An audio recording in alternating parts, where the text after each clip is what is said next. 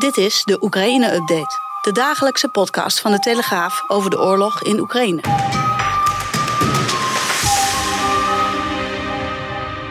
...3 maart 2022. Het is dag 8 van Poetins brute aanval op Oekraïne.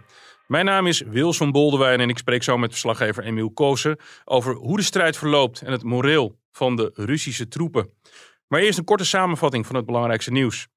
De eerste grote Oekraïnse stad is ingenomen. Het gaat om Gerson, een stad in het zuiden, niet ver van de Krim. In allerlei opzichten een strategische inname omdat het aan de rivier de Dnieper ligt. Een rivier die helemaal doorloopt naar Kiev.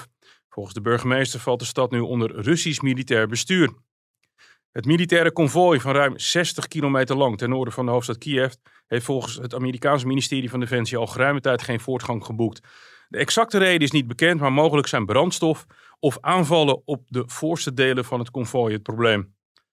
De zware aanvallen op de Oekraïnse havenstad Mariupol houden aan. Het stadsbestuur verklaart dat de infrastructuur constant wordt beschoten, waardoor de stad zonder water en elektriciteit zit. Daarnaast meldt het dat het Russische offensief de aanvoer van onder meer voedselvoorraden en de evacuatie van mensen verhindert.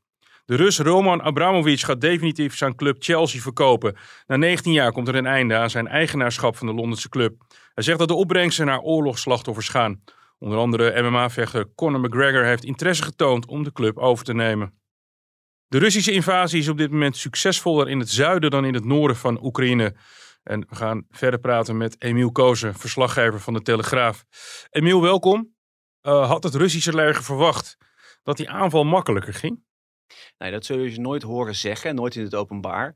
Maar eigenlijk uh, alle uh, defensie-experts waar je mee spreekt, die zeggen dat allemaal in koor. Ja, de Russen hadden verwacht dat ze in een paar dagen tijd, um, ja, in elk geval de Oekraïnse leider te pakken zouden krijgen. En we zien nu um, dat dat niet is gebeurd en dat de Russen ook opschakelen naar een, een nieuwe strategie. Ja, is er ook een reden te noemen waarom ze het zo onderschat hebben? Want wat je veel hoort is dat er geoefend werd. En dat het voor heel veel soldaten gewoon een oefening was, punt. Ja, er zijn een beetje twee zijden, uh, twee zijden hier. Aan de ene kant dachten ze dat de Oekraïners ze zouden verwelkomen als bevrijders. Uh, nou ja, we hebben gezien dat is niet het geval in heel veel, uh, in heel veel instanties. En uh, ja, het andere deel van het verhaal is inderdaad dat uh, heel veel Russische soldaten blijkbaar niet wisten dat zij een oorlog in werden gestuurd. Um, daarvan zien, we steeds meer berichten uh, naar buiten komen. Er lagen 200.000 Russische soldaten rond Oekraïne een tijd lang. Dat weten we hier in Nederland ook. Er waren steeds berichten van. Heel veel van die soldaten wisten niet dat zij eigenlijk um, ja, binnenkort een oorlog in zouden gaan. Dus daar moet je maar een voorstelling van maken. Hè? Je denkt dat je op training bent en een dag later ja, zit je aan het front. En daarvoor komen ook die die een beetje idiote verhalen dat uh, Russische soldaten met in, uh, in een tank of in een panzerwagen zitten. Dat ze geen brandstof meer hebben en dat ze dan maar bij Oekraïners hebben aangeklopt. Precies, en het rare ook aan dit verhaal is dat, um, dat het erop lijkt dat Poetin echt maar een, een select groepje mensen heeft ingelicht uh, van zijn oorlogsplannen. En dat betekent dat ook heel veel commandanten van legereenheden een tijd lang dachten dat er geen oorlog zat aan te komen. Dus ook zij dachten, uh, we zijn bezig aan een oefening. En je kan je voorstellen dat als je met 200.000 soldaten een, land wil binnenvallen, dat dat een enorme logistieke operatie is, waar ze misschien niet helemaal goed op voorbereid waren. En ja, dat leidt dus tot die beelden van tanks die, die zonder brandstof staan en moeten hengelen naar de steun van de Oekraïners, die natuurlijk eigenlijk helemaal niet willen helpen. We hebben er zelf geen ervaring meer mee, maar in Rusland heerst nog steeds de dienstplicht. Ik weet eigenlijk niet wat, wat de voorwaarden zijn om er onderuit te komen. Ik neem aan dat als je een klein beetje macht en invloed hebt, dat je kinderen al heel snel niet in dienst hoeven. Maar dat is een aanname van mijn kant. We zien in de beelden hele jonge jongens, dienstplichtigen. Wat ben jij te weten gekomen over het moreel van die jongens? Nou ja, dat zijn dus de mensen die, um, ja, die vaak onwetend uh, die oorlog in zijn gestuurd. Wat experts ook zeggen, um, is dat we nu een, een soort tweede golf aan uh, uh, Russische militairen gaan zien. Die hebben een tijd lang ja, kunnen kijken naar wat er gebeurde in Oekraïne. Die weten dus ook dat er meer verzet is. nee, die weten überhaupt dat er een oorlog gaande is. En de verwachting is dat die, um, die tweede groep militairen beter getraind en met een beter moreel naar Oekraïne komt. Ja, dus ook beter voorbereid is, weten wat er te wachten staat. Exact. En de Russen die schakelen dus een strategie ook over, zoals ik al zei. Um, in eerste instantie waren het vooral uh, uh, lichte tactische aanvallen op, op militaire uh, doelwitten. Nu wordt het wel steeds meer um, het omsingelen van steden.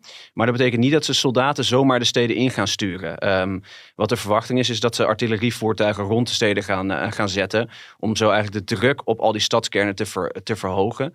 Maar ja, het sturen van soldaten naar grote steden zoals Kiev, wetende dat heel veel Oekraïners Niet op jou zitten te wachten, dat is nog iets te, te riskant voor, voor de Russen. Ja, ik moet dan echt terugdenken aan de beelden in de oorlog in Joegoslavië in de jaren negentig. Althans, Joegoslavië heeft opgehouden te bestaan. Bosnië, de omsingelde stad Sarajevo, waar vooral heel veel burgerslachtoffers vielen, Emiel. Ja, en voor de Russen is dat ook een beproefd recept. Hè? Ehm, ook in de jaren negentig, uh, ja, de, de omsingeling van, uh, van Grozny in, uh, in Tsjetsjenië. Um, daar werden ook heel veel bombardementen uitgevoerd. Um, nou ja, en heel veel burgerslachtoffers. En nu is de hoop dat een beetje dat, ja, omdat er in Oekraïne zoveel Sovjet-historie is, dat, ja, dat de Russen daar iets voorzichtiger mee omgaan. Ja, maar als we de eerste beelden, hè, voor zover we ze kunnen verifiëren, op Twitter zien dan zie je wel dat er best wel wat gebouwen getroffen worden. Ja, het is lastig. Uh, inderdaad, als je al die beelden achter elkaar zet, denk je, er wordt heel veel gebombardeerd. Als je met uh, Nederlandse uh, leger, nou ja, veteranen of oud-militairen spreekt, dan zeggen ze, dit is nog geen volledige oorlog. de doelen die nu worden geraakt zijn nog steeds een soort van strategische doelen. Um, het kan nog veel erger. Emiel, dankjewel. De oorlog in Oekraïne zorgt ook voor traditionele media-initiatieven, zoals Giro 555 opgetuigd. En er wordt een speciale televisie- en radio-uitzending gemaakt. Tijdens die radio-uitzending zullen gelegenheidsduo's van alle radiozenders in Nederland een dag lang radio maken. Een opvallend duo, Matti Valk en Wietse de Jager, tegenwoordig uh, in dienst van Q Music en Radio 538. 2017 stopte de ochtendshow van Matti en Wietse nadat de DJ's ruzie kregen over een overstap naar Sky Radio. Nu na vijf jaar schudden de twee elkaar de hand. Aanstaande maandag komt het duo dus weer voor één keer bij elkaar op de landelijke actiedag van Giro 555. Mattie en Wietse tussen 8 en 10 te horen op Radio 555 aankomende maandag. Ja. Ja, dat klinkt vertrouwd. Ja, ja ik ga daar kort iets over zeggen. Want uh, ja, het gaat natuurlijk niet om ons maandag. Maar uh, ik ga er ook niet flauw over doen. Want het wordt voor ons uh, allebei best wel een bijzonder moment maandag. Want ja, Mattie en Wietse... It's been 84 years. En dit is ons gevraagd. En we hebben allebei meteen ja gezegd. Want we vonden dit ja, oprecht een mooi moment om gewoon het verleden achter ons te laten. Tot zover deze Oekraïne-update op vrijdag 4 maart vanaf 4 uur weer een nieuwe aflevering. Al het laatste nieuws vindt u uiteraard op de site en in de app van de Telegraaf. Bedankt voor het luisteren.